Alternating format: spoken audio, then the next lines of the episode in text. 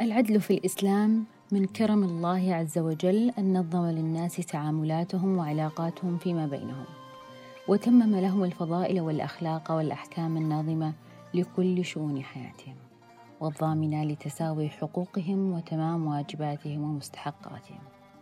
فجعل العدل ميزانا يلزم الجميع بقضاء ما عليهم واستحقاق ما لهم دون تعد ولا إفراط أو تفريط. وقد رفع الله شأن العدل وسماه في أسمائه وميزه في صفاته. قال الله تعالى إن الله يأمركم بالعدل والإحسان وإيتاء ذي القربى وينهى عن الفحشاء والمنكر.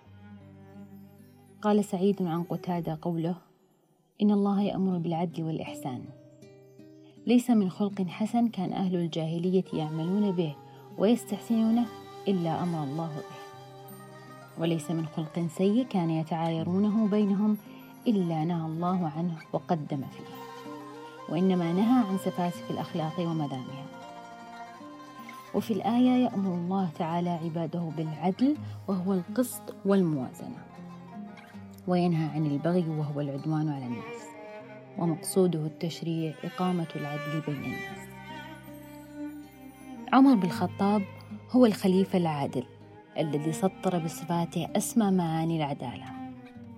ومن قصص عدله في خلافته أن أمير جيشه الذي كان متجها نحو فارس قد أمر أحد جنوده بأن ينزل في نهر شديد البرودة حتى ينظر طريقا لعبور الجيش. وبعد دخول ذلك الرجل النهر بدأ بالصراخ من شدة برودة النهر. يا عمراه يا عمراه حتى مات من شدة برودته. وعندما بلغ ذلك عمر قال يا لبيك يا لبيك. وأمر بعزل أمير الجيش.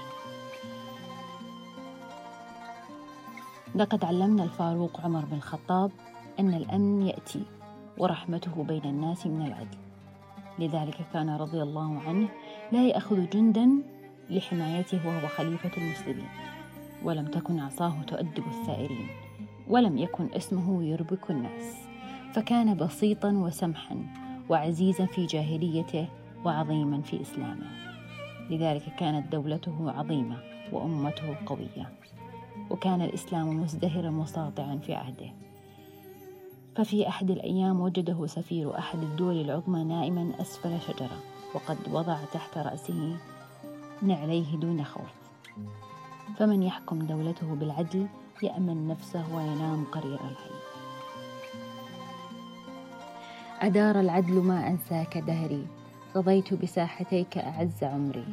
وما مثل القضاء مجال فخري ولا مثل العدالة رمز ظهري